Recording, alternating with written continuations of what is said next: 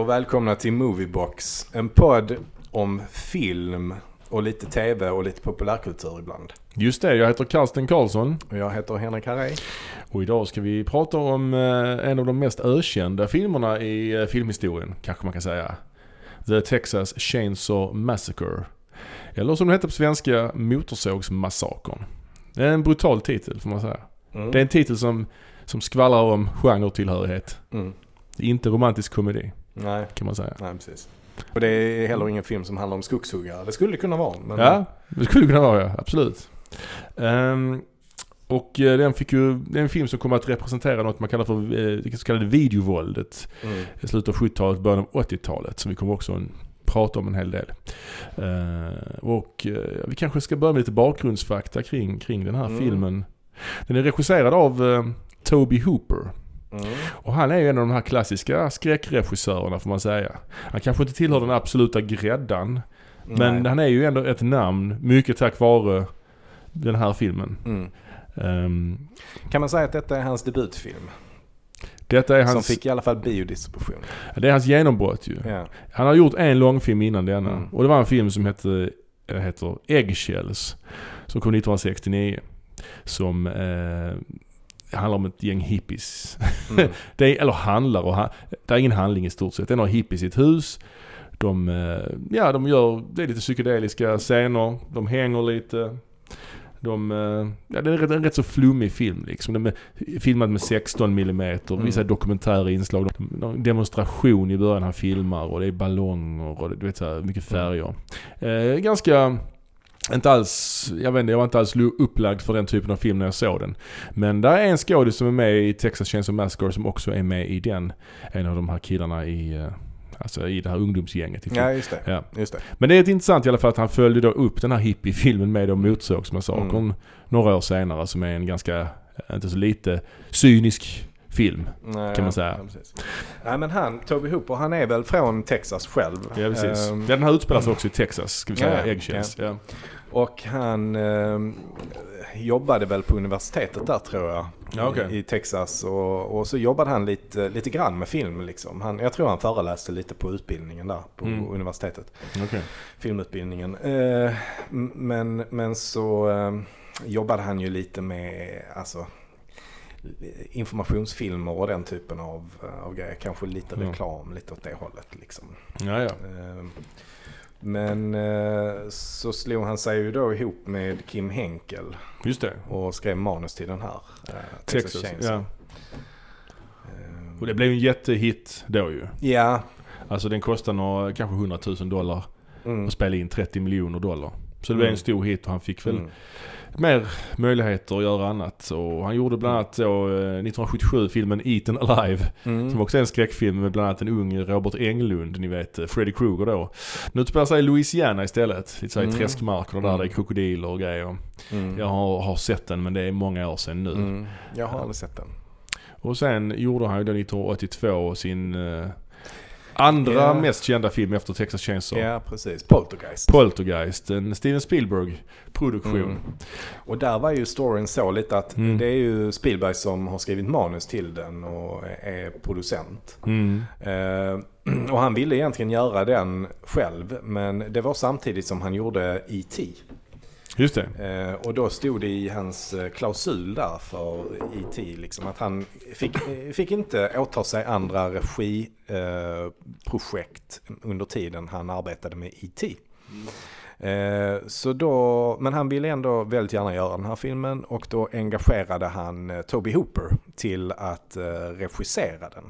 Men där har det ju varit mycket eh, diskussioner. Ja. Elaka tungor. Elaka tungor säger ju att det var Spielberg som Mm. faktiskt regisserade den. Och att Toby Hooper bara var där på pappret. Men det har Eh, förnekats från Toby, Toby Hoopers håll så att säga. Ifrån och han, ifrån hans... eh, från Spielbergs håll själv också. Okej. Men, men, men det är ju svårare än så för att eh, det, blev ju en, det blev ju en riktig utredning kring detta. Ifall, okej. ifall det var något alltså, kontraktsbrott som begicks där. Liksom. Mm. Att eh, Spielberg tog för stora liksom, eh, gjord, alltså faktiskt skulle liksom stått som regissör. Liksom. Ehm, men, men den här eh, undersökningen eh, kom ju fram till liksom att det inte var det. Mm. Att, att det ändå var Toby Hooper. Så han står ju ensam som regissör. Eh, Filmen känns ju väldigt Spielberg. Den känns extremt Spielberg. Ja. Ja. Det är ett par scener där man kanske kan skymta en Toby Hooper. Någon sekvens där en kille går in på, på toan och bara säger att han har ett sår i huvudet. Han börjar sen skala av Mm. sin hud långsamt. Mm. Det låter värre än vad det ser ut kan jag säga. Mm. Men det skulle kunna vara Toby Hoopers scen. Eller Ja. det är ju det är Toby Hooper liksom som lyser igenom där lite grann kan man tycka. Ja, och kanske lite senare när hon trillar ner där i den swimmingpoolen som håller på Mm. att grävas på baksidan. Ja, just det. Alla Där liken. Mm. Ja. Massa lik och skelett som flyter upp till ytan. Ja, det känns inte riktigt Spielberg heller. Ja. Nej, det gör det inte. Men eh, ja, men, spoil men, men, ja, men, men det, är, det är fortfarande oklart vem som gjorde vad i filmen. Liksom. Men, eh, men Spielberg har i alla fall bett om ursäkt till Toby Hooper. För han har ju gjort en del uttalanden och där han bland annat har sagt att ja, men Toby Hooper är ju ingen kille som tar för sig direkt. Så när det kommer frågor från eh, skådespelarna som inte besvaras så gick jag in och besvarade de eh, frågorna. Liksom, har han, han har gjort ett sånt uttalande. Eh, Men det, det skrev han ett brev sen till Toby Hooper och bad om ursäkt för det och att det inte var så han menade och så vidare. Liksom. Precis. Sen gjorde han ju... Eh, gjorde han ju en film till som Ja, sen efter det så gjorde han Life Force sen eller? Life Force 1985. Ja. Och den svenska titeln där, vad är det? Ingen aning. Rymdens vampyrer. Rymdens vampyrer, ja precis. Ja, men den, hette väl eh, på manus, eller det är ju en bok från början som jag tror hette Space Va- Vampires. Ja, okej. Så det är ingen jättekonstig eh, översättning egentligen. Nej, det är en väldigt bra översättning i Ja, så fall. ja. Men en väldigt... Eh, en titel som osar 50-tal. Eller någonting sånt. verkligen. Ja. ja, men det, det är ju Dan O'Bannon som har skrivit manuset. Ja, just det. För han också gjorde Alien-manuset. Ja, precis. Och Dark Star. Ja, naturligtvis. Ja. Ja. Mm, nej, men den, den är ju en rätt så bisarr film, får man nog säga. Mm. Har du sett den eller? Nej, jag har inte sett den. Nej. Än. Nej. Ja, den har jag sett faktiskt. Och eh, ja, det, det, det är ju en science fiction blandat med uh, någon slags uh, så här. Ja, det är alltså vampyrer men ja, det är mer att de stjäl uh, livsenergi. Life Force helt Life enkelt. Force, ja, Ja. precis. Ja.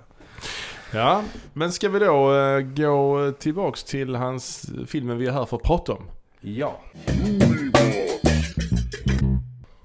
Texas Chainsaw Massacre 1974.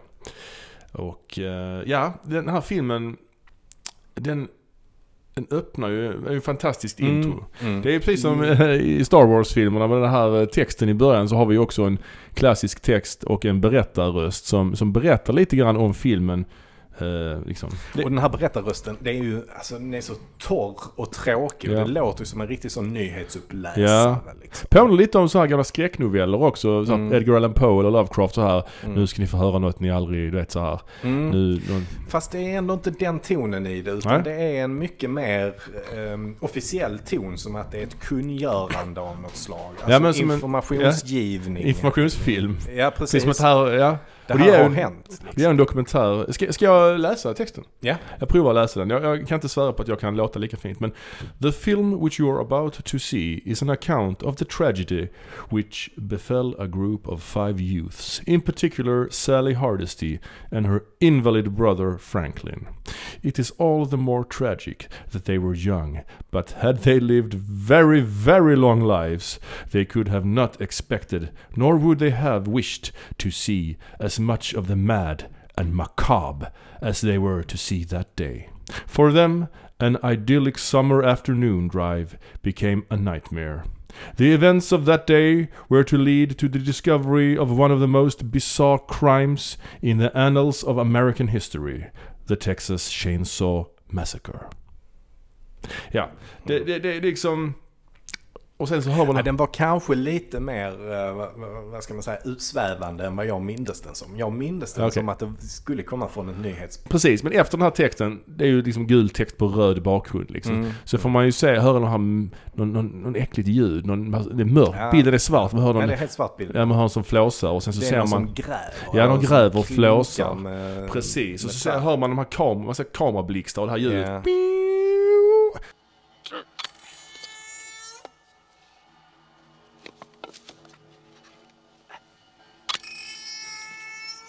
Ja. Och så ser man liksom närbilder på ett ett ruttnande lik. Ruttnande händer och Ja. sånt. Och sen hör man då eh, eh, en radio, eh, sen, Mm. en nyhetssändning på radion där man berättar om att det har varit gravskändningar över hela Texas. Mm. Folk har snott likdelar och så vidare. Och så är det eh, en närbild på, på ett, liksom ett lik. Mm. På, i, med, med, I motljus. Ja, motljus, broad daylight. Ja. Och sen en långsam utåkning och så ser Ja. man det här liket, det är liksom staplat på ett annat lik. På någon slags gravsten mitt, mitt i, på dagen liksom. Mm. Mm. Och sen så kommer titeln The Texas Chainsaw Massacre och så är det liksom konstiga närbilder, sådana sol utbrott. Man ser sådana bilder, är det inte solens yta man ser sådana utbrott på Mm. rött. Jo, det kanske det är. Jag har aldrig fattat vad det var riktigt. Och sen inleds ju själva filmen då med en bild på jävla, ett dött bältdjur på Ja, det. motorvägen. Ja. Ja, det är liksom... Alltså jag tycker det, det intro till Seven. Mm, ja. Intro till Seven påminner lite om detta liksom. Jag Ja. tror de kan säkert ha fått en del inspiration därifrån. Ja den här filmen Faktiskt. är ju liksom en stilbildande film liksom. Den tar ju upp det här liksom gravplundring, stympning, kannibalism och sådär. Ja. Alltså man tänker ju kanske när man, liksom ryktet av filmen att det är en slags slasherfilm. Ja. Att ja. Leatherface är typ Jason. Men så Mm. är det ju inte riktigt Nej, det liksom. är det. Det är ju inte alls egentligen så. Utan det är Nej, ju, jag skulle säga att det är mycket mer, alltså det är mycket mer, vad ska man säga, lite ockultism på något sätt. ja, och Eh, lite så här uh, deliverance hillbilly Ja. uh, uh, inavel eh, liksom. Det är ju, jag tror att man räknar in denna till den genren Southern Goth- Gothic. Ja, ja. Eh, som True Detective till exempel också är en del av. Just det, första Eh, säsongen där. Första säsongen, ja, Ja, precis. Där finns ju en del likheter liksom. Det är också, i True Detective så håller de också på att placera ut en massa sådana där konstiga... Ja men det, det känns som att de har ritualer som de gör som de placerar. Och- och- dockor och skelett och dockor skit. och. Och det har vi ju här också. Oh ja, oh ja. Eh, Southern Gothic är ju en, liksom, en, en genre som har funnits väldigt länge. Alltså sen, jag vet inte, 20-talet kanske. Någonting sånt i Mm. USA. Mm. The King in Yellow eh, till exempel. Eh, är ju... Eh, Ja, och filmen då. Vi får följa då ett gäng ungdomar i en skåpbil. Eh, De eh, är i Texas på någon slags roadtrip. De ska väl egentligen till en av de här kyrkogårdarna för en av deras Ja. släktingar har blivit uppgrävd va? Ja, precis. De, de är rädda för att deras farfar eh, har blivit uppgrävd. Så de ska köra dit och, Ja. och, och kolla så att graven är okej. Och det är då Sally och hennes invalid brother som de säger, Franklin. Mm, Han sitter, Franklin, ja. sitter i rullstol. Mm. Eh, och sen är det en tjej till Mm. som är så här. Hon, Pam heter hon det? Ja, kanske. Hon är intresserad av astrologi i alla fall. Mm. Hon läser Mm. horoskop och sånt hela tiden. Och så är en kille till. Som, och, och det är hennes kille då som kör bilen. Ja, och så en kille till som är Sallys kille kanske Ja, då. precis. Så är det, precis. Och det är väl han då som var med i Eggshells kan jag tänka mig. Ja, Ja. han som inte kör ja. Ja. Precis. Eh, och eh, ja, de har inte mycket till karaktärsdjup det här. Och det är inte mycket till skådespeleri heller kan vi säga. Nej, nej det är det inte. Den enda karaktären som är en karaktär är ju han Franklin där. Ja, ja. Han är ju väldigt gnällig. Ja, han är otroligt jobbig. Det börjar ju med att de stannar och han ska kissa. Han ska kissa, ja, så han precis. kör ut honom genom en flaska så han kan kissa. Ja. Det var ja. det. Det är liksom... Och så trill, trillar han ner för den backen där då också eller? Ja, så får han hjälpa dem upp och sånt. Ja. ja. Så man ser direkt att han är en klantig, jobbig person. Ja, precis. Och sen eh, kör de ju vidare och då eh, gör de ju det klassiska misstaget att oh, en liftare, han plockar vi upp. Ja, precis. Ja, bra. Eh, Vi får också innan det se att de träffar några andra Texasbor och sådär. Och vi ser också lite misär. Ja, det är någon som bara ligger i gräset. Någon som ligger helt uh, däckad i gräset. Ja, just det. Eh, men det är de Skitpackad liksom. Just det. Som gubbe och ja. Ja men vi ser att det, det är liksom, det är, inte- det är inte det här fina eh, Texas. Nej, liksom. och detta är vid gravplatsen va? Ja, det är vid Ja, precis. Och sen plockar de upp den här liftaren då. Mm, mm. Som är The Hitchhiker kallas han väl egentligen i stort sett va? Mm, ja precis. Och de tar upp honom, han känns ju inte helt stabil den killen. Nej, nej. Man han är ju blodig och eh, känns lite sådär. Det känns lite som att han har någon diagnos av något slag. någon form av- Hyperaktivitet. Ja. Liksom. Och han börjar prata om, eh, de kör förbi ett slakteri och han börjar prata om hur man avlivar kor Ja, effektivt. ja, Någon ja. slags stål... Eh, st- Hammare va? nej, nej, nej, precis någonting som åker in i huvudet och dödar dem direkt. Ja men det är ju Franklin som pratar om det. Ja just det, Franklin pratar Ja. om det men han säger att nej, du måste ha en hammare. Det är enda sättet, det är det bästa ja, sättet. bättre, det är mycket Ja. bättre liksom. Eh, för den här, ja. Så man ser sådana närbilder på kor som står och dreglar i, på ett slakteri. Ja. Man klipper in sådana inklippsbilder. Han ser ut som James Franco, liftaren. Gör han inte det? Ah, Kanske. Jag tycker det. Ja. Han ser i alla fall rätt bisarr ut. Han, har- han har ju en polaroidkamera åt halsen och någon slags nallebjörn. Ja, och så någon slags eksem i ansiktet, eller någon slags sån här rött, han hela kind är röd som ett sånt födelsemärke du vet. Jaha, jag trodde det var blod. Nej jag vet inte vad det Ja. är. Men sen Men- så börjar de också prata om, eh, han börjar också prata om hur man tillagar allt på kon. Allting måste ätas. Hur man tar huvudet också och kokar det och tar av, skrapar av the flesh från kraniet och äter det, kallar det för head cheese. Eh, Head cheese, Och han säger att det ja, är ja, ja. jättegott. Och de äcklas ju. Och Ja. den här filmen har tydligen blivit lite så vegetar, vegetarianpropaganda. Alltså det är många som har slutat äta kött i samband med den här filmen just. Jag tror. Toby, jag tror Toby Hooper själv blev vegetarian under en period efter, efter de har gjort den här filmen. Ja, Men det uppstår ju en jobbig stämning i bilen ju. När han Ja, sitter och drar ja. sina... Och sen ja det. ett, tu, tre så börjar han plocka fram grejer ur sin väska och... Ja men han tar ju en bild på Franklin. Just det. Han med kameran. Och då säger han 'You took my picture' Ja. säger Franklin då. ja, ja, Helt, eh, jag vet inte hur han ska... Men sen så vill han ju då att Franklin ska köpa den bilden av honom. Just det. Jobbigt. Eh, ja, men Franklin har ju inte bett om det själv. Liksom, och tyckte inte bilden blev så bra så han, uh, han sa nej tyvärr, den, uh, den vill jag inte köpa. Precis. Ehm, och sen, sen är det ju också att han, eh, Franklin har ju en pennkniv, en liten fickkniv som han håller på med och uh, Just petar naglarna med och sånt hela tiden. Just det, så fan får jag titta på din kniv? Mm. Vad fin den är. Och så bara börjar han skära sig själv i handen. Just det. Och han tänder väl också eld på fotografiet så det börjar ryka. Ja, ja. Det är ju han har en slags ritual där ombord på, på, i folkabussen höll jag på att säga. Ja, ja precis. Eller ingen folkabuss. Men ja, och sen så kan de skära i Franklin och då lyckas de, stannar de bilen och ly- ja, han skär väl Ja. Franklin i armen. Han skär Franklin, ja, Ja, precis. och sen kastar de ut honom ur bilen. Ja. Och de kör iväg och han och, sparkar. och, så, och så håller han på att slå på bilen och kletar in lite blod på bilen också. Precis. Det blir en viktig plot point längre fram. Ja men precis. Den här filmen är, den är ganska intensiv. Alltså den utspelar sig under, under ganska kort intensiv period liksom. Mm. Mm. De åker förbi en bensinmack sen och tankar ju. Mm. Och de frågar vad det är för blod på bilen och så berättar de det och så vidare. Har för mig. Ja, precis. Och sen ska de köra förbi deras... är någon sån märklig eh, sån städare som håller på och ska tvätta bilen. Ja. Just det. Jag undrar vad det är för en, för han kommer inte med mer sen i filmen. Nej. Ja, och sen åker de ju bort, ska de ju bort till deras eh, barn, eller deras, vad är det, deras hem där farfar och farmor bodde. Och Ja, kolla in precis. det, där, de hängde på Precis. somrarna För liksom. de, de, på, på macken där så frågar de ju lite om vägen dit och så berättar de att de... Mm. eh, Och då säger ju han, mack, eh, han som har macken att Mm. ah, men ni ska nog inte gå in i det huset liksom. Ja, Folk det. gillar inte att man går in i deras hus. Ja, han just ju, det, just det. liksom. Men så säger de att ja, men det är, vår pappa äger det och sånt. Mm. liksom. Eh, Så det, det är okej. liksom. Men det här huset kommer de fram till då, men, men det är ju inte direkt handikappanpassat kan man säga. Nej, exakt. Det har de glömt att göra. Mm. Så de har inte tänkt på stackars Franklin. Nej, så han blev han blev ju jäkligt uh, sur över det. Ja, han är där på nedanvåningen och skriker. Ja. Medan de andra går omkring. Eh, och det är ju, huset är ju helt övergivet. Alltså det är ett Mm. ruckel, eller det är ett stort hus men det är ju helt utblåst inuti liksom. Mm. Inga fönster och sånt typ. Eh, och sen, ja, sen så går de omkring. Det är väldigt snygga åkningar i den här filmen. Alltså det är mycket, en del kameraåkningar som ger filmen ett jävla Mm. production value. Mm. Det är en väldigt snygg åkning när hon, en, den här tjejen sitter på sån här, eh, vad heter det? Som en gunga, inte en gunga men sån här Hammock. hammock ja. Och reser upp och så åker kameran efter henne under hammocken. Låg åkning liksom. Mm. Men det är lite längre fram va? Ja, Okej, lite male gaze över det i alla fall. Eh, men de går in i alla fall till grannhuset, två av dem. Mm. Först ska de gå, gå iväg och bada tänker de. Just det. Eh, och sen så, sen är det väl det att de behöver bensin. För det fanns ju ingen bensin på den här bensinmacken. Nej. Och då hör de en eh, motor eh, i närheten. Och då tänker de, ja ah, men där är en motor. då måste, det, då måste vi kunna låna lite bensin där ju. Mm, Och då kommer de till det här huset då. Liksom. precis. Och då börjar det med att eh, han som kör bilen då går in. Ja. Och eh, huset är ju lite grann, man kommer in och så är det en trappa upp till andra våningen och sen bredvid trappan rakt fram med en dörr. Precis som i Psycho ungefär. Mm. Och han går fram till den där dörren bredvid trappan och tittar Mm. in.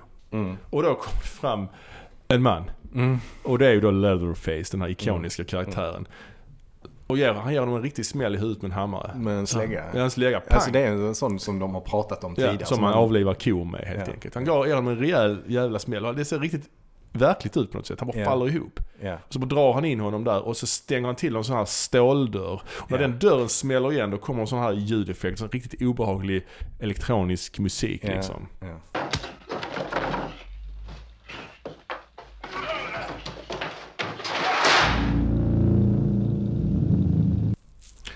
Och eh, sen börjar ju hon leta efter honom.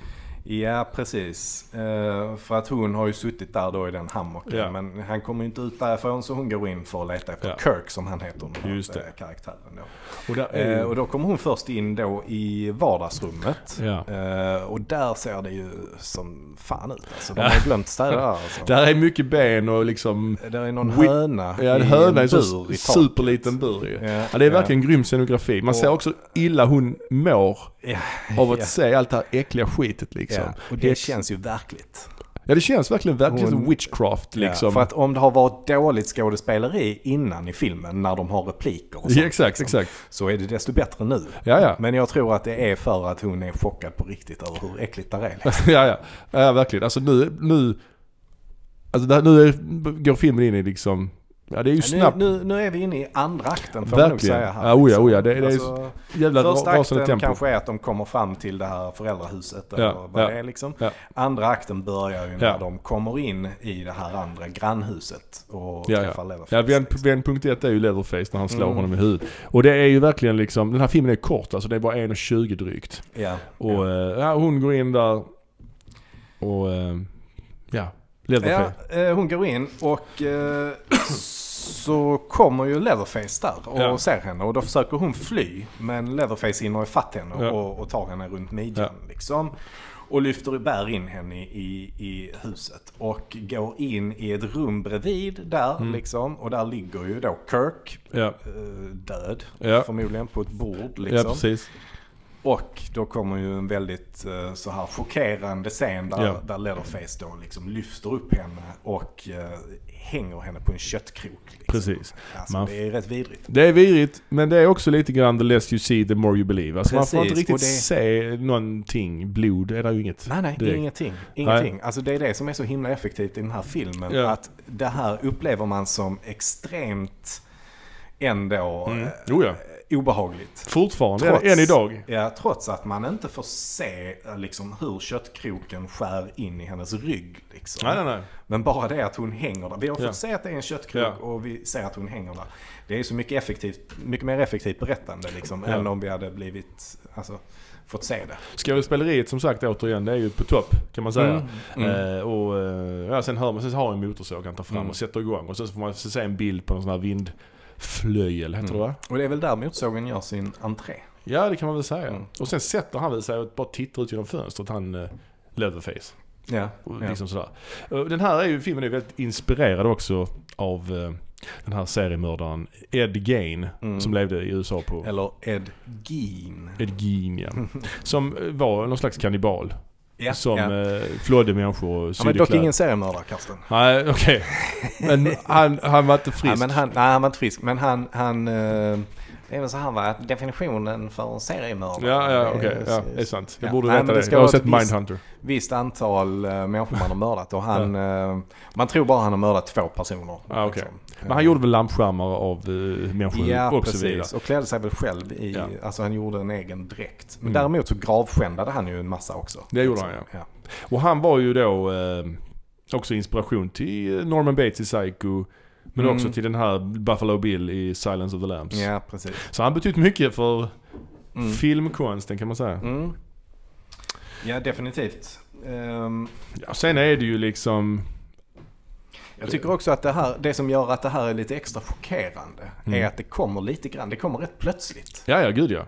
För att vi får inte se någon, alltså vi, vi, vi får se mer och mer i det här huset. Men allting kommer ganska plötsligt. Alltså det enda vi får se är ju först att han går in där. Det ser Mm. lite mystiskt ut med alla de Ja. här jakttroféerna på den röda väggen. Ja, just det. Och så bara, pang rätt vad det är så bara får han en slägga i huvudet av Mm. Leatherface och Leatherface bara stänger igen dörren. Sen får vi inte se mer därifrån. Nej, nej, nej. Sen får vi se att hon går in där liksom. Mm. Och så får vi se allt det här ockulta med ritualerna, alla benrester Ja. och vad de nu har hållit på med där inne Ja. i det rummet liksom. Och flyr och sen så helt plötsligt bara får vi, kommer vi in till köttkroken liksom. Att han börjar mm, dra igång motsågen och ska såga Mm. Kirk som ligger där på bordet. Liksom. Så att det kommer ganska Ja, ja. taj- Intensivt. Oh, ja. Oh, ja. Ja. Han går väl Ja in... precis, Jerry heter han Ja. då som, eh, som är ihop med Sally. Mm. Han går själv iväg för att leta efter Kirk och Pam. För det, det börjar bli mörkt har jag för. Ja, det blir mörkt där ja. och de precis. håller på att diskutera också det här blodmärket på Just det. bilen. De tror att har han liftaren försökt göra något meddelande? Har han liksom Mm. märkt bilen? Ja, men precis. Liksom, det är han Franklin är, eh, liksom, funderar mycket över det. Ja, det. Ehm, Men i alla fall så hittar ju Jerry också huset. Så han är ju då den tredje personen som går in i det här huset. Just det. Eh, och så går han in och letar runt där lite och så hittar han en frysbox. Just det. Och så hör han några konstiga ljud därifrån. Och så öppnar han frysboxen och då ligger hon där, Pam. Men hon lever fortfarande där i det Ja, läget. och sen så bara plötsligt så bara börjar, vaknar hon till liv och börjar skrika. Ja. Liksom, och blir helt så galen. Eh, men då kommer Leatherface. Just det. Eh, dyker han upp och eh, dödar Jerry. Eh, på Just samma det. sätt har jag för mig med en hammare. Ja, just det. Ehm, Ja, det är... är... Och då, ble, då märker man också han Leatherface, får vi se lite mer av honom liksom. Men han springer runt lite i huset och är, och är upprörd för han fattar ju inte vad är det här för konstiga människor som bara kommer in här i detta huset liksom. Ja. Ja, men man, man, Ja. får, man får lära känna honom lite mer. Mm. Man förstår att han är inte frisk liksom. Nej, det han är fattar man ju som sidan en- också. Ja det gör man ju. Men, Ja, ja. men mer liksom Ja. att han är en slags förvuxen bebis av något slag. Ja. Som inte, Mm, för han är ju skitstor liksom. Ja, Han ja. är ju säkert två meter lång liksom. Och, Mm. kraftig liksom. Eh, Så vi får se lite mer av honom. Vi får se att han, hur hans mask, vad det är för någonting. Att den är ihopsydd på ett rätt så taffligt sätt Mm. Ja, av ja. olika skinnbitar. Som det är att det är någonting han har gjort själv. Ja, liksom. Eh, och att han också liksom har försökt skapa en identitet. Han har liksom försökt göra, eller han har ju gjort ögonbryn på masken. Han har ju olika masker ju. Han Ja, har en han, ja. kvinnomask och en manlig. Ja. Alltså han en med Men det är fort, detta är fortfarande den, Ja. den masken. Sen, eh, sen byter han ju till en Ja. annan mask. Liksom. Ja. När han ska göra sig, fe, äh, göra sig fin. Liksom. Ja, då, då sminkar han sig också. Och när han ska laga mat och Ja, har ja, för, precis. förkläder och sånt. Ja, nu har han fortfarande förkläde Ja. och sådär. Man har fortfarande slips under förklädet. Så det är ändå... Ja, ja. ja. sen, det, är ju mörkt och sen Ja. börjar han ju, vi kan ta det snabbt, men Mm. alltså så han Mm. jagar ju Franklin och uh, Sally va? Eh, ja, precis. Alltså sen... När han dyker upp och bara... Han, precis, för att de är ju också där. De, jag tror de går omkring och skriker lite efter och Mm. ropar på dem. Och då Mm. dyker, dyker Leatherface upp igen. Liksom. Och Sally försöker fly. Ja, Franklin blir ju dödad ju. ja, precis. Han såg upp på honom kan man säga.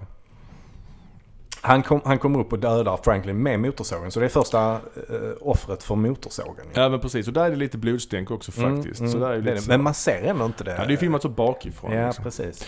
ja. Eh, sen så jagar han Sally som försöker fly och så kommer hon också fram till huset och springer upp där på ovanvåningen. ja, högst upp på övervåningen. Högst upp och då ser hon två mumifierade kroppar eh, där uppe. Fast den ene lever. Ja, Det men det, det fattar man nog inte där va?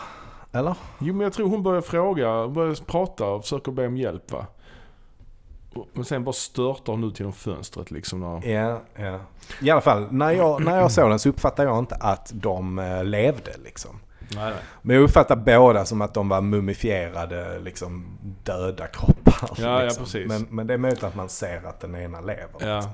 Men hon hoppar ner där i alla fall sen och så s- försöker hon fortsätta fly och springer till den här bensinmacken som hon var i Precis. förut. Liksom.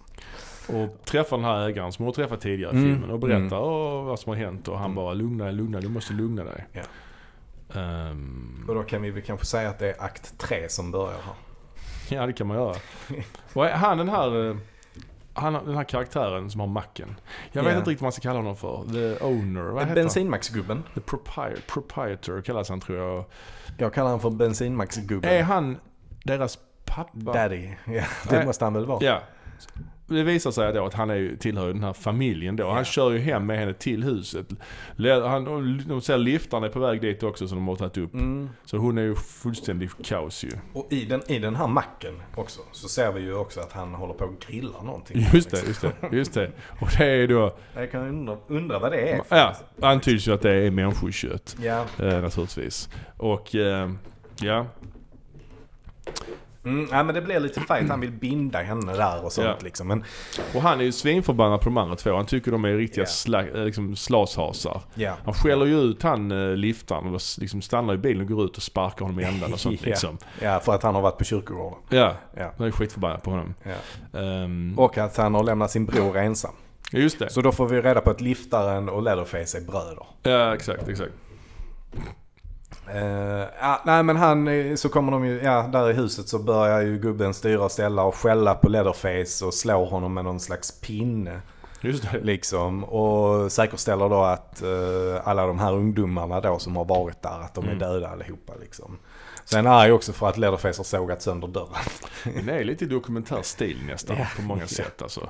Eh, men ja, sen är det ju den här sjukaste scenen i filmen kanske på ett sätt. Ja men det är det ju. Det är ju den här middagsscenen. Ja. De har bundit fast Sally i någon stol vid kortändan på ett bord. De har dukat upp med olika Mm. skelettrester. Mm. Och, de, och, och, hon Och Leatherface har gjort sig fin. Ja, han har tagit på sig eh, liksom kvinno... Ja, han har kvinnokläder. Ja, han har klänning Ja, klänning, Ja. klänning och han har, han har en ny mask och han har sminkat Ja, sig precis. också. Och hon är ju fullst- i chock. Uh, Mm. Hon spelar ju riktigt bra här alltså. Man köper ju detta, alltså hon Ja, är ju ja. rädd på riktigt liksom. Mm. Eh, och eh, de tar ner Grandpa från Mm. vinden också, den här då, precis, då får vi lära oss att det är deras farfar. Ja. Liksom, och att han lever. Precis, och då liksom det är sjuka bilder, det är så sjuka närbilder på hennes ögon, så riktiga makrobilder man Ja. klipper till. Ja. Extrema närbilder på hennes ögon, hennes panik, hennes flackande blick Ja, liksom. ja. Och sen tar de ner, de tar ner Grandpa som sagt och ska Grandpa då få äran att slå ihjäl henne. Mm. För han är the king på det, Det, liksom. det är också det som är precis innan att ehm, att Leatherface skär i Sallys finger. Just det. Eh, och så börjar farfaren suga blod från, Ja. från hennes finger. Ja, det alltså så- det är så jävla vidrigt. alltså, det är riktigt när han så, alltså det är så slaskigt liksom. Ja, det är riktigt äckligt. Ehm, Men sen han... och då, då svimmar hon ju också. ja just det, vaknar, ja just det, ja. Och sen så när, när, ehm, när, hon, när han ska slå ihjäl henne sen då så eh, orkar han inte hålla hammaren. Han tappar den hela tiden. Ja. Ehm, Men, men de vill ju att han ska göra det för att han har, bara, han har jobbat som slaktare. ja. På det här slakthuset Ja. som är nedlagt nu. Eller om det inte är nedlagt men att det har Mm. blivit effektiviserat med de här nya metoderna och sånt. Liksom. ja. Så att här kommer det på något sätt in lite uh, samhällskritik. Liksom. Nej, men jag tycker det finns, det finns mycket intressant om det. Det var ju också själva produktionen, har vi inte Mm. pratat om så mycket. Men produktionen var ju också, den skulle ju pågått i bara två veckor. Mm. Men det tog ju fyra veckor. Mm. Eh, Så att den, den blev ju lite dyrare än Mm. vad de... Sen var det ju mycket problem där också. Att de, de var ju tvungna, de behövde ju mer pengar. Alltså det var ju Mm. en otrolig lågproduk- lågbudgetproduktion. De hade ju till exempel bara en enda motorsåg som de, som, eh, som de använde. Och de hade ju Ja. inga extra kläder heller. Så Leatherface fick ju springa omkring i samma kläder under hela inspelningen. Så han Ja. luktade ju riktigt, riktigt illa har man hört. Ehm, men, men det, är, det är ett intressant, eh, Mm. ett intressant, just, jag tycker just det här tematiska liksom. Att, Ja. eh, just också att de är sådana här gamla arbetare. Liksom. Mm. Mm. Så jag läste, läste någonstans att det är proletariatets hämnd på det kapitalistiska samhället. Ja, kanske som, det. som är hotet liksom. Mm. Det är ganska Ja. Intressant. Men, men i Mm. alla fall, de är ju väldigt arga på varandra här också. Alltså det är inte så mycket familjefrid under den här familjen. Nej, det är det liksom. inte. det är mycket bråk hela tiden. Liksom. ja, verkligen. Mm, men de vill då att han ska slå henne i huvudet liksom, med den här hammaren. Ja. Men han har ju ingen kraft så han kan inte ens hålla hammaren. Nej, precis. Ja. Ehm, ja, nej men så uppstår det lite kalabalik och Sally lyckas komma ur det här eh, greppet då liksom. Och flyr genom att hoppa rätt ut genom ett fönster. ja. Och eh, de andra följer efter. Leatherface, han springer iväg. Han har klätt om igen ju. Ja, nej. Ja, nu har han kavaj och slips igen. Jaså? Och spring, springer ut eh, efter. Man har nog fortfarande samma mask kanske. Ja, jag det kommer har inte han nog. Jo, men det känns det som han Ja, har. han springer, och nu kommer ju slutscenen. Ja, Som är totalt utflippad. Det har blivit gryning igen. Det börjar bli Mm. ljust. Hon springer ut, Leatherface och liftaren springer efter. Ja, liftaren springer och så försöker ge henne sådana små hugg liksom med sin sån rakkniv. Alltså. Just det. Ja, det är så jävla- Sådana jävla stick liksom. Sådana störiga liksom. Ja. Men ett, tu, tre så kommer en lastbil, det är ju precis en väg. Så det kommer en lastbil och bara kör över liftaren. Pang! Ja. Där dör han. Och lastbilen stannar. ja, och så försöker han plocka upp Sally men då, men Ja. då kommer Leatherface. Ja det kommer lastbilschauffören, ki- stor kille med gul t-shirt. Eh, han försöker plocka upp Sally men Leatherface är ändå kapp. Så hon springer in i, i lastbilen och ut på andra sidan Ja. och han också. Ja. Varför kör de inte bara iväg? Jag vet inte. Och, sen så eh, jagar han dem. Mm. Och han är rätt så korpulent den här lastbilschauffören. Så han är inte Ja. så snabb men han- det går ändå rätt bra. Ja, han springer som bara tusan där liksom. Ja. Och sen är det lite kalabalik och Mm. Leatherface trillar ju. Han kastar också någon skift, Ja. skiftnyckel. på i- Leatherface i, huvudet på honom så ja. han faller bakåt och då Ja. får han sin egen såg på benet. Ja. Sen börjar skära in, det är enda gången man får se sågen skära i någon så är det ju Ja. i Leatherface själv faktiskt.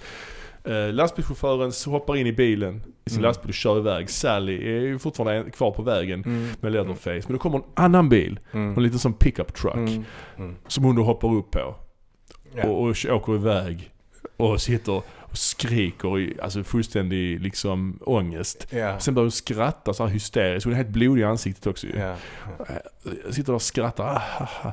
Samtidigt som Leatherface står kvar på motorvägen och dansar någon konstig dans. Ja, Gör gör pir- piruetter, piruetter med motorsågen. motorsågen. Det är som att han försöker såga i, motorsåga i luften. Ja. liksom. Och sen bara slutar filmen. Pang. Mm. Klipp liksom. Rakt klipp Mm. liksom. Ja, det är, det, är, det är, jag tycker liksom den här filmen det är, liksom, det är psykologisk skräck på något Mm. sätt va. Det är Mm. liksom, det är ingen splatterfilm liksom. Nej. Nej. Som man kan tro att det är liksom. Ja, det tror man ju av titeln. Vad tycker vi om den här filmen då? Ehm, ja, alltså jag tycker det är intressant att se vad den är gjord i vilken kontext den, är, den kom till. Liksom. För den, Ja. den spelades ju in under 1973 liksom, och hade Mm. premiär 74. 74 var ju ett bra filmår liksom, Mm. i övrigt. Gudfadern 2 kom, Mm. eh, Conversation kom, Chinatown, Dark Star kom Mm. också. Eh, ja. Sen så om man tittar mer liksom i det, på det stora, i det samhällsmässigt liksom. 60-talets hippie-era, Ja, det var ju över liksom. exakt. Och Waterloo, när var det? Watergate. Water... Waterloo var på 1700-talet. Nej, Waterloo, var... 18, Nej, 18, Waterloo var 74. Men 74, Abba, just det, just Abba vann ju. Ja, just det. Ja, det var ju en cynisk tid liksom. Ja, och tittar man på tidigare decennier liksom, Ja. eh, så har det ju varit monsterfilmer och utomjordiska hot liksom, Ja. som har dominerat skräckfilmsgenren. Ja, just det. Eh, Men det, detta förändras ju i, i skarven där mellan 60 och 70-talet. Mm. Eh, Night of the Living Dead kommer ju till exempel 69. Mm, 68, 69 Sex- någonstans. Ja, någonstans Night of Living Dead i alla fall. Och sen Ja. så kommer ju då Last House on the Left också Mm. lite innan detta. Ja, ja. Eh, Wes Craven. Ja, precis. Och, och här är det ju, alltså man tar ner det från, det är liksom inte, det är inga stora läskiga monster längre eller utomjordiska hot längre. Utan man tar ner det lite grann till det mer amerikanska småstadslivet. Liksom. Ja, just det. Det blir lite mer jordnära. Liksom. Ja, det är ja. inga sådana extraordinära grejer liksom. Nej, precis. Nej, det är det ju inte. Och det, detta blir ju stilbildande liksom. Mm, Eh, absolut. Ja, jag, jag tycker alltså när man sitter här och redogör för filmen, hur, vad som händer i den, så Mm. låter det ju helt sjukt liksom. Mm. Hur kan man ens se på det här? Man Mm. bara säger vad som händer. Men det är ju gjort på ett, den den är en film som väcker känslor. Mm. Ett, ett obehag. Mm. Det är ju en film som ska göra det. Mm. Det är ju en skräckfilm liksom. Och den är jävligt, Mm. det är jävligt obehaglig. Mest Den är effektiv på det sättet att den är, den är, den är jäkligt obehaglig trots att man inte visar så mycket. Nej. Liksom. Och den utspelar sig under en ganska kort tid ju. Väldigt Mm. intensiv. Mm. Eh, Det är ju det, det som är den, liksom, filmens stora förtjänst. Att den är, den är enkel på något Ja. sätt. Och håller än idag, skulle Mm. jag säga. sen är det ju kanske inte så bra skådespeleri. liksom. Nej, inte i början i alla fall som Nej. sagt när det är dialog. Men, det- sen eh, utvecklas det hela ju. Ja, men det har väl kanske aldrig varit uh, Toby Hoopers starka sida, skådespeleri. Nej, nej, liksom. nej. Alltså han är ju ingen skådespelarregissör. Nej. Eh, och det var också precis som att det var diskussioner om vem som gjorde vad i Poltergeist så var det ju diskussioner här också liksom att, Okej. att han producenten, vad var han hette nu? Ehm, som även skrev manus, Ja, Henkel. Just det. Ehm, han, ehm, han var väl kanske den som pratade med skådespelarna lite mer om Ja, ja. ehm, så här, bakgrund och liksom motivation och sånt som skådespelare vill veta. Liksom. Ja. Sen är det intressant också att i dagens samhälle så hade inte den här filmen fungerat med tanke på mobiltelefoner och så. Ja, just det. Som den vanligt. bygger ju lite där på att eh, Ja. de är strandsatta och inte kan Ja. ringa polisen och sånt. Ja, i dagens film måste man ju alltid lägga in det här att här har vi ingen täckning just här. Mm, ja. Jag såg någon film nu här förleden. Den här Mm. The Invitation, har du sett den? Nej. Ja, det är någon som blir hembjuden på fest och det händer weird shit. Alltså Ja, ja. för att göra det kort. Men det är ändå Mm. liksom i ett, ett hus och då är det där, ja, vi har tyvärr ingen täckning här. Mhm. Och då är det ändå liksom på andra sidan dalen är det fler hus. Det är typ som man ser, som, som i Mm. LA typ så. Ja det är konstigt. Mm. Ja, Men sen är den ju jävligt snygg tycker jag. Det är, Ja. det är mycket vinklar liksom. Mycket Ja. snett ovanifrån och mm, en del snygga åkningar som vi har sagt. ja. och scenografin. Och scenografin är väldigt bra Mm. och ljudläggningen är Mm. ju extremt effektiv också Ja. tycker jag. Ja. ja, jag tycker den är, den är, den är en klassiker med rätta skulle jag säga. Mm. Ehm, ehm, och sen gjorde han ju också en uppföljare eh, Mm. 12 år senare. 1986 kom ju Motorsågsmassakern 2. Som är lite mer komisk. Mm. Eh, det är ju med Dennis Hopper i huvudrollen. Mm. Eh, den är ju inte alls lika hyllad. Eh, men ja, jag har inte sett den på rätt länge. Eh, jag ska ta mig an den snart. Mm. Jag kommer ihåg jag gjorde omslaget var ju en pastisch på eh, omslaget till Breakfast Club. Jaha, Fast det var den här familjen istället Ja, ja, ja. för eh, dem. Ja. Men den här filmen fick ju kan man säga en revival några år senare i och med att videobandspelarna blev liksom en ett inslag i det svenska hemmet så att säga. Mm. Videomarknaden eh, kom in i sven- svenska folkets liv.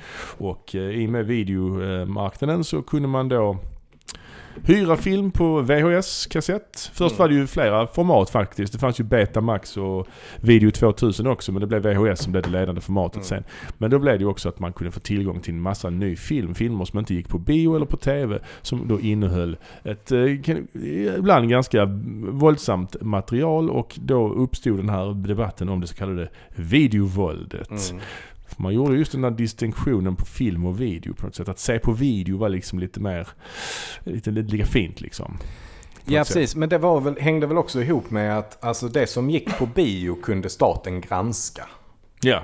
Och det som sändes på SVT kunde staten granska också. Mm. Det fanns ju inget annat eh, sätt att se rörlig bild på Mm. än, än på de här sätten. Liksom. Ja. Men sen så kom ju video som vände upp och ner på allt det. Ja. Liksom. Och då- blev det ju en annan tillgänglighet och man Mm. kunde inte man kunde inte bestämma vad, vad folket skulle kunna se på samma Nej. sätt längre. Och det ju liksom den svenska, enligt den svenska modellen var det väldigt dumt. Staten vill gärna Mm. kunna ha eh, inflytande och kontroll över vad folk eh, tar sig för.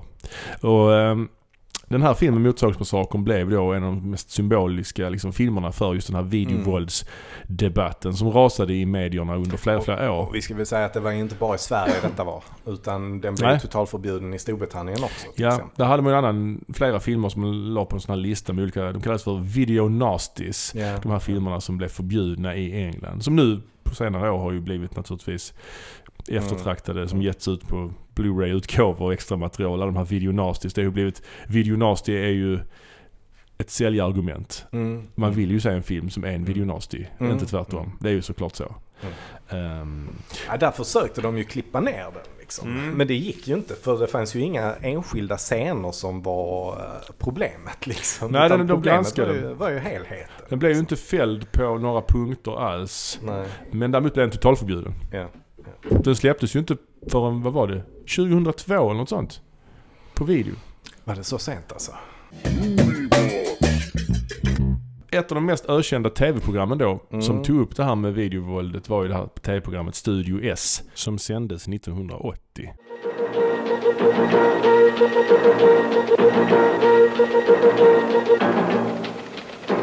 Ja, god afton och hjärtligt välkomna till kvällens Studio S. Som ni redan märkt så ligger vi lite senare i, än vanligt med kvällens direktsändning. Och detta helt enkelt därför att vi kommer att visa en del otäcka våldsinslag i det här programmet. Och detta helt enkelt därför att ni själva ska bilda er en uppfattning om vad som nu hyrs ut i affärerna. För det kunde ju vara så nämligen att på den här tiden att liksom polisen de kunde ju göra razzior mot videobutiker. Och kolla liksom vad de hade hyrt ut för filmer till vilka människor och så vidare. Ja. För att kolla liksom och beslagta filmer som ansågs Ja. eh, våldsam, för våldsamma och Men det var efter detta va? Eller var det... Ja, precis. Ja. Det här programmet s- fick ju sånt genomslag. Vi ha, på den här tiden hade man ju bara två kanaler i Sverige. Mm. Så alla kollade ju på SVT liksom. Det fanns ju inget alternativ. Så ett sånt här program fick ju mångmiljonpublik. Mm. Mm. Och det här programmet är ju eh, ett debattprogram eller ett klassisk SVT-modell på den här tiden. Att man tar in ett antal människor som allihopa tycker samma sak. Ja, precis. Och sen har man då någon man vill ställa till svars för detta. Ja, Så här var det ju då utbildningsminister Jan-Erik Wikström från Folkpartiet just det. som fick bära hundhuvudet liksom och Och han- ställas till svart, svars. Och han försvarar ju inte filmerna heller i sig. Nej, det gör han inte. Det vill han ju inte göra ju. Nej. Eh, Det är väl han som istället citerar Bibeln och sånt. Och han har kvarnsten runt halsen. Är det inte det? Jag kommer att tänka ganska osökt på ett bibelord som talar om Ve dem genom vilka förförelsen kommer. Det är bättre att en kvarnsten hängs om deras hals och de sänks i havets djup. Ondskan är ju fruktansvärd. Det här programmet är ju fyllt med helt liksom galna uttalanden. Ja, det är ju en grupp oroliga föräldrar liksom, Mm. som är med i panelen liksom, och sen intervjuar de ju även femteklassare då. Just det. Eh, som de, har sett Motorsågsmassakern. föräldrarna de berättar ju att de har ingen koll på sina barn. Nej. Alltså de, de har koll på sina barn hemma men barnen kan gå hem till en granne och en granne kan ha en video. Mm. Och då kan vi inte garantera alls vad vårt barn får se för någonting. Ehm, Och sen är det en barnläkare som uttalar sig också. Bland annat så säger han att det, det ger ärr i själen att se sådana här filmer. mm. Ja de säger ju att videohandlarna de, de, de sprider ondska. Ja, det är liksom ja. ett uttalande. Och mycket bibelcitat också. Någon säger barnmisshandel. Just det. Underhållningsvåld som skadar och bryter ner människor. Det är också en, och en kille som också, en, en eh, man som också berättar och säger sådana här saker. Och sen så berättar, frågar programledaren honom, Göran Elvin heter programledaren tror jag. Mm. Är det Cissi Ja. Elvins pappa? Ja, jag tror det. Eh, och Han, Intressant att hon sen blev VD för Svenska Filminstitutet. ja, intressant. Ja, han, han, berättar, han frågar, men du har väl också jobbat som obducent? Inte, stämmer inte detta? Mm. Jo, det stämmer. Och då berättar han, Att han tar med sina barn dit. ja, och, och för att döden, det är ju natur, en naturlig del som barn ska bekanta sig med. Mm. Och och jag tolkar, alltså jag vet inte. Han, jag vet inte vem som har rätt och vem som har fel här. Nej. Jag vet inte vilket som är värst. Att se en skräckfilm Mm. eller att gå ner på ett bårhus och ställas framför ett uppskuret lik. Ja. Alltså, det ena är verklighet och det andra är fiktion. Mm. Och där kan man också hävda, visst, det är väl bra att ver- verklighet är bra, barnen får en erfarenhet och så vidare. Mm. Men det kan, det kan också vara oerhört mycket obehagligare att alltså, uppleva Mm. på riktigt än på film. Verkligen. Mm. Jag tycker det lå- när jag läste det här först tänkte jag det här är ju helt sjukt. Detta. Mm. Han sitter där och gnäller på videofilmer och sen berättar han att han tar ner sina barn i bårhuset. Låter dem få kolla Mm. på lik liksom. Ja. Jag vet inte. Jag, jag, det, det är nästan som att det blir en tävling i vem som kan liksom tycka att det är mest hemskt med de här filmerna. Liksom. Ja, ja, ja. Alltså Mm. vem som kan eh, uttrycka det här. Eh, de tävlar liksom om det. Alltså, Ja. de, de, någon skriker ut, hur, hur ska du rädda oss från detta? Du är ansvarig. Liksom. Ja. Eh, ja. Så Ja, det, det känns som att det, det, hela programmets syfte är att skapa moralpanik över själva video som, Ja, eh, som ja. medium. Moralpanik är ordet Ja, såklart. Eh, de drar ju alla över en kam liksom. Alla filmer också Mm. naturligtvis. Alltså skräckfilmer. Om man utmålar liksom videobutikerna och de Mm. som håller på med den, de näringsidkarna som sysslar med det som något fult och syndigt som är jämställt med liksom prostitution kanske eller någonting, eh, Ja, någonting annat. ja, som- liksom porr eller vad- alltså ja, Ja, precis. Och, ja. och det är också intressant att de pratar ju om de här scenerna som om det vore på riktigt. Mm. Vi kommer visa grova våldsscener, eh, Mm. det kommer vara mycket stötande scener. Alltså det är ju inte riktigt, det är fiktion. De, Och det är ju det han den folkpartisten håller på och hänger upp sig på mest. Att han inte tycker att de ens borde visat det i SVT. Jag tycker han säger så. Ja, Jag just tycker vi kunde haft den här diskussionen utan att ni hade behövt visa de här scenerna. För jag tycker inte det är, Mm. är rätt. För de lägger ju, de säger att de lagt programmet senare på kvällen för att, ingen ska Mm. kunna, för att inte småbarn ska kunna se det. För de kommer visa scener ur de här filmerna. Och då visar Mm. de bland annat den här middagsscenen från Motorsågsmassakern. Mm. Och då påannonserar han det som att det är en, en typ en våldtäktsscen eller något i Mm. den stilen. Förakt mot kvinnor och så vidare. Mm. Det är en sjukt obehaglig scen naturligtvis. Det är det ju och så vidare. Men det är ju fiktion får man ju säga. Och det är också, han glömmer också det här också ofta att i skräckfilmer är det ju ofta kvinnor som är huvudperson. Mm. Eh, protagonisten.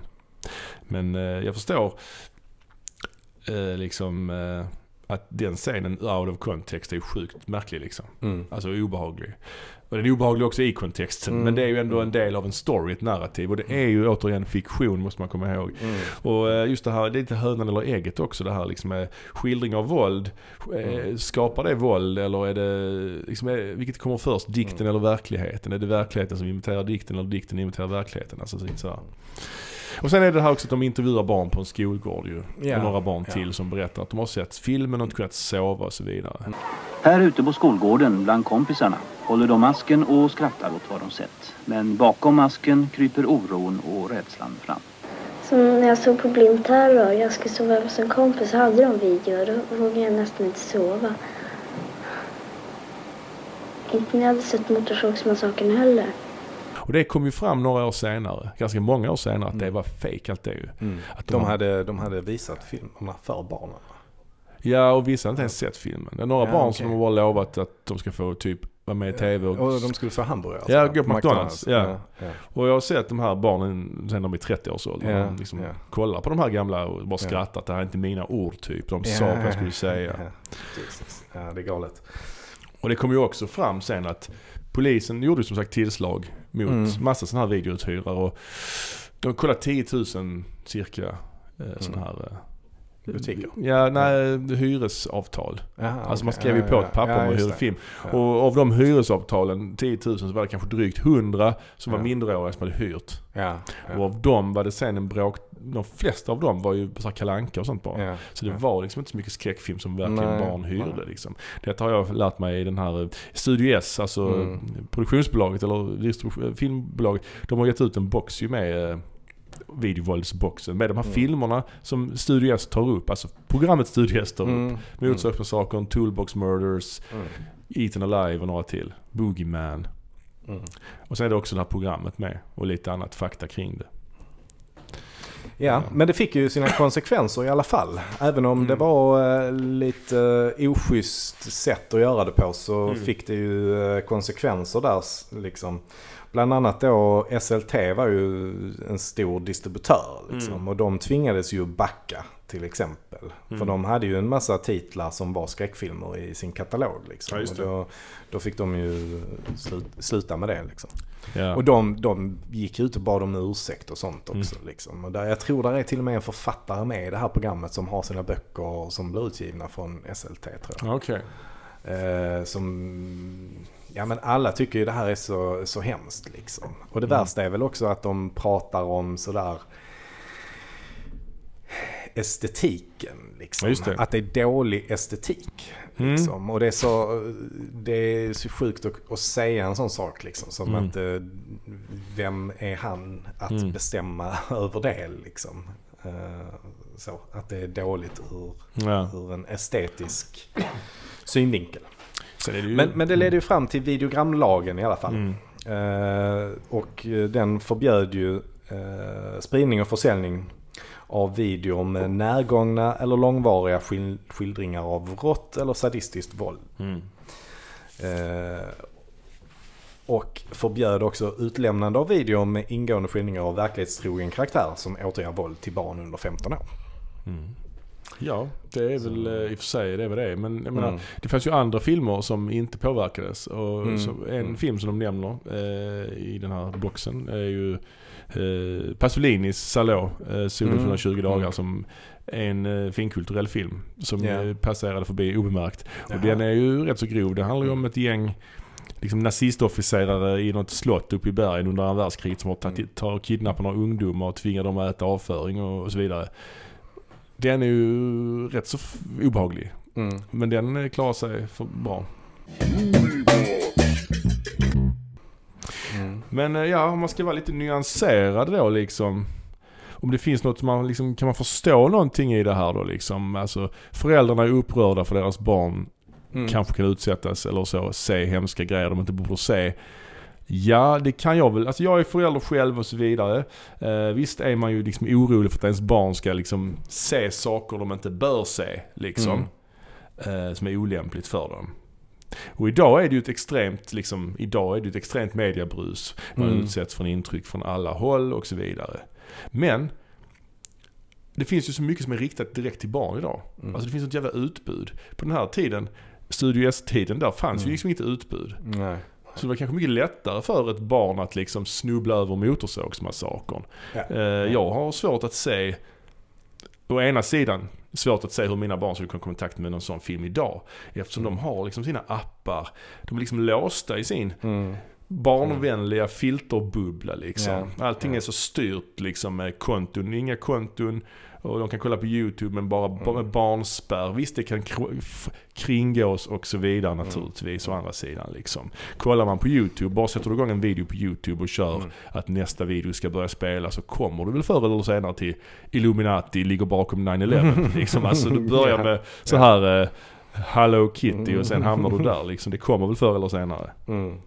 Mm. Och sen kan jag ju också tycka naturligtvis att en film är dålig och olämplig, liksom vidrig och så vidare. Men steget till att liksom förbjuda, Mm. det är ju liksom... Och att inte förstå att det är fiktion. Alltså jag menar... Jag tyckte inte The Toolbox Murders var en bra film. Jag tyckte den var ganska liksom, obehaglig på fel sätt. Liksom. Det mm. kändes verkligen så spekulativ. Mm. Oh, liksom naken tjej, hon ska vi döda. Mm. Liksom sådär. Men om man jämför med Motorsågsmassakern så det är ju liksom en film som är väldigt liksom, skickligt berättad och Mm. liksom är obehaglig i sin liksom sitt berättande och välgjord liksom. En bra film skulle jag säga. Men sen är det också det att video var nytt och man är alltid rädd för det nya och så vidare. Ja, så är det ju. Det är väl, det är väl framförallt det det handlar om. Liksom. Att man, Mm. bara, man var orolig över den och man, man visste inte vad det var riktigt. Och särskilt de föräldrarna som inte själva ägde en, en VHS-bandspelare. Liksom, Ja, som bara, där barnen gick hem till någon annan, till någon kompis som hade Mm. det. Och de visste inte vad det var, de visste inte vad de tittade på. De hade ingen möjlighet att kontrollera det. Liksom. Nej, nej, precis. Så det var väl den här förlorade kontrollen som man var som Ja. mest rädd för. Liksom. Får får jag fråga dig bara en sak där Per-Olof Sundman. Tror du inte också att det kan vara på det sättet att människor inte vågar använda sig av denna teknik som innehåller mycket av godo. Därför att vanliga människor vågar inte köpa hem en videobandspelare av rädsla för att ungarna när, när folk är borta och jobbar helt enkelt tar och stoppar in här, de här eländiga kassetterna i apparaten. Och sen efter, liksom, det har ju ut, nu efter det så ersattes det väl av Ja på 80-talet var det också en debatt om rollspel. Sådana här Ja. drakar och demoner. Ja det Mm. får folk att begå mord. Mm. Och sen efter det har det varit liksom Mus- musik. Ja musik innan Alltså dess. W.A.S.P. till Was, exempel. Poddrocken, det var också ett program We are Satans people. som var svar direkt med Sivert Öholm. Mm. Eh, och det var innan, man kan gå längre tillbaka till liksom Där 60-talet. hade de väl också, i det programmet hade de väl också någon liknande metodik med, med att Mm. försöka sätta dit han Okej, eh, Ja, Anders chefredaktör. Ja, ja, ja. Sen ställer honom till svars för all hårdrock som någonsin producerats. Ja, precis. Ja, det, är- det är märkligt. Som att det var hans fel Ja. att, att W.A.S.P. hade gett ut en skiva liksom. Ja, det är jättekonstigt. Ja, det är konstigt. Men jag, menar, jag tänker på Beatles tidigare med drogromantik och så Ja, vidare. ja. Vi tar rollspel. Nu har vi datorspel som är GTA och allt Mm. vad fan det heter. Men alltså det har väl alltid varit så. Liksom. Ja, ja, det är ju så. Alltså jazzen när den kom på Ja, ja, visst. 20-talet. det, var, det var väl också... Folk eh, var väl rädda för ungdomarnas eh, moral. Elvis Presley, när han Presley. svängde på Ja, eh, ja. höfterna där. Ja, det skulle också skada folk. Sen Ja. förstår jag att det liksom är en förflyttning. Nu är det liksom, nu är man mer orolig liksom för att det ska hända något på riktigt så att säga. Alltså Mm. att man ska komma i kontakt med någon obehaglig människa på nätet och så vidare. Mm. Alltså det är den skräcken som finns nu. Man gör, försöker hå- hålla den koll man har liksom. Mm. Eh, men eh, det är ju så. Man fruktar ofta det nya. 2001 släpptes uh, Chainsaw Mm. Massacre på Mm. oklippt i Sverige då. Ja, jag tycker det här är en film som eh, man bör ha sett liksom. Mm. Och Ja, vara beredd på vad det är man ska se såklart liksom. Ska vi eh, tacka för oss? Ja men det gör vi. Ja. Ha det gott! Ha det gott. Hej. Hej!